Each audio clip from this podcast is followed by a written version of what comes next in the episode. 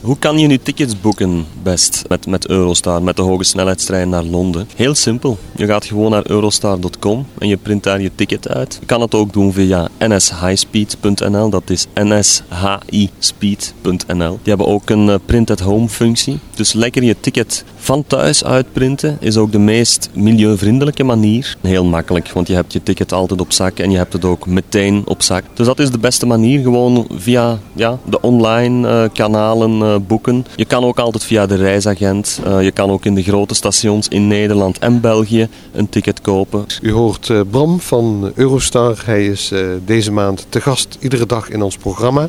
Bram, mensen die een ticket hebben uitgeprint, die moeten met dat ticket naar Brussel komen en en dan? En dan ja, het, het, ticket laten zien aan de zeer vriendelijke mensen aan de check-in balie. Die ofwel de check-in doen voor jou, ofwel heb je gewoon een soort barcode die je tegen een, een laser.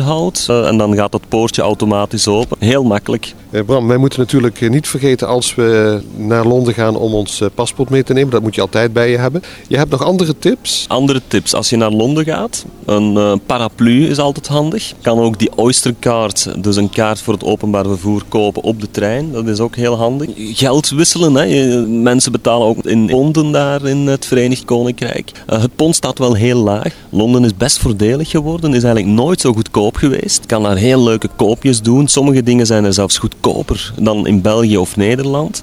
Dus ja, dat zijn enkele tips. Hè. Oystercard, paraplu. Je, je, weet nooit of het regent in Londen. En uh, ja, vergeet ook die ponden niet, maar je kan ook altijd uh, ter plekke perfect geld gaan omwisselen of geld gaan afhalen met je bankkaart.